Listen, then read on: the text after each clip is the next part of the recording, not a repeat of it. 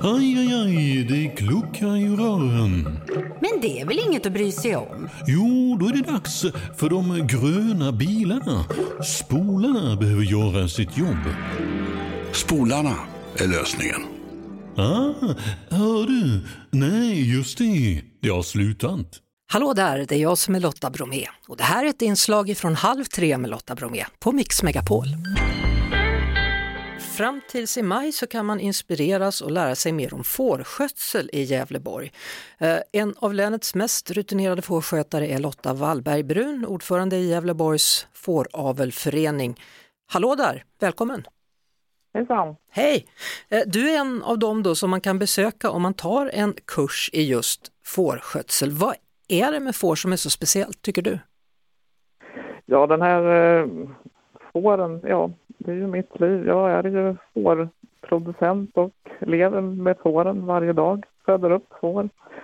Och eh, den här kursen är ju för att eh, ja, främja fårnäringen i länet. Och det, är- de är ju inte bara hos mig utan de, det var just ett speciellt tillfälle förra veckan när de fick lära sig hantera får i verkligheten, i verkliga fårhuset. Mm. Jag vet att jag någon gång eh, träffade ett gäng får och skulle försöka liksom mjölka dem och lära mig det där. Det är inte det lättaste hörru. Nej, det krävs ju kunskap. Det spelar ingen roll vilket djur man ha- har eller eh, skaffar sig. Det kräver ju kunskap, alla djur. Man måste ju lära sig hur man ska hantera sina djur, i det här fallet får. Det, det är lite speciellt, men eh, kunskap, det är ju bra för fåren också, om deras ägare vet hur de ska ta hand om dem. Och Det är ju det den här kursen är till för. Hur många får har du?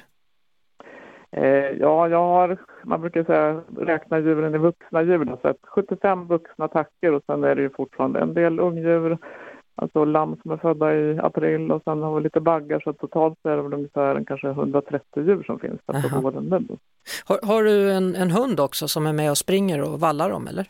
Eh, ja, jag har en, en hund som hjälper mig. Jaha. Du, kallar man dig för fåraherde eller hur, vad säger man? Ja, fåraherde eller fårbonde eller lammproducent, det beror på vad man, hur man vill. Men det, det går bra vilket som. Ja, vad, vad känner du då? Är intresset för fårskötsel på uppgång eller nedåtgång? Vad tänker du? Hur upplever du? Eh, alltså det har väl stagnerat lite sista åren. Eh, det har ju möjlighet att producera ganska mycket mera lammkött framförallt. Så det är ju, vi har ju blivit självförsörjande till 30 procent i landet. Så det finns ju en stor efterfrågan på, på lammkött. Men det finns ju lite problematik med, med rovdjur, flera vargar och sånt där som gjort att det är lite svårare att hålla får då. Mm. För, eh, Så, så det, men det finns ju sätt att lära sig att hantera situationerna som gör att man kanske kan skaffa får ändå. Då. Vi hoppas ju att det ska bli, fler, det ska bli flera, för det är ju otroligt roligt jobb som jag har att Mm. vara fåraherde. Då.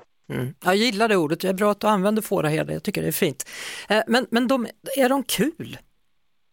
Ja, alltså de är otroligt eh, individuella. Alltså precis som vi människor så är de olika på sättet. Jag har ju liksom, jag umgås mycket med mina får, eh, mina fårskallar som man kan säga ibland då. Mm. Men de är ju, alltså det, de är, en del är blyga och vill bara vara får, en del är riktiga damer och vill ta för sig och ja men de är olika allihopa och de är, sen är de naturligtvis, har de ju likheter att de är flockdjur och beter sig på ett visst sätt och det är ju viktigt att man lär sig då att, att hantera deras sätt som är deras naturliga sätt att bete sig.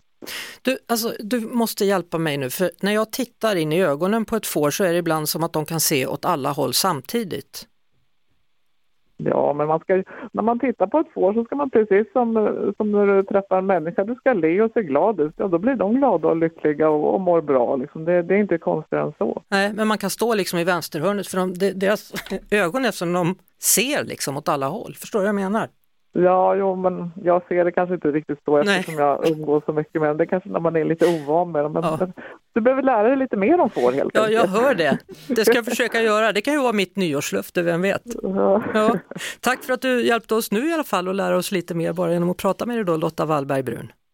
Ja, Ja, tack. du, det är första gången som jag har pratat med en svensk fåraherde. Jag har bara pratat med greker förut, men topp och god jul! Ja, tack så mycket och detsamma. Vi hörs såklart på Mix Megapol varje eftermiddag vid halv tre. Ett poddtips från Podplay. I podden Något Kaiko garanterar östgötarna Brutti och jag, Davva, dig en stor dos skratt. Där följer jag pladask för köttätandet igen. Man är lite som en jävla vampyr. Man har fått lite blodsmak och då måste man ha mer. Udda spaningar, fängslande anekdoter och en och annan arg rant.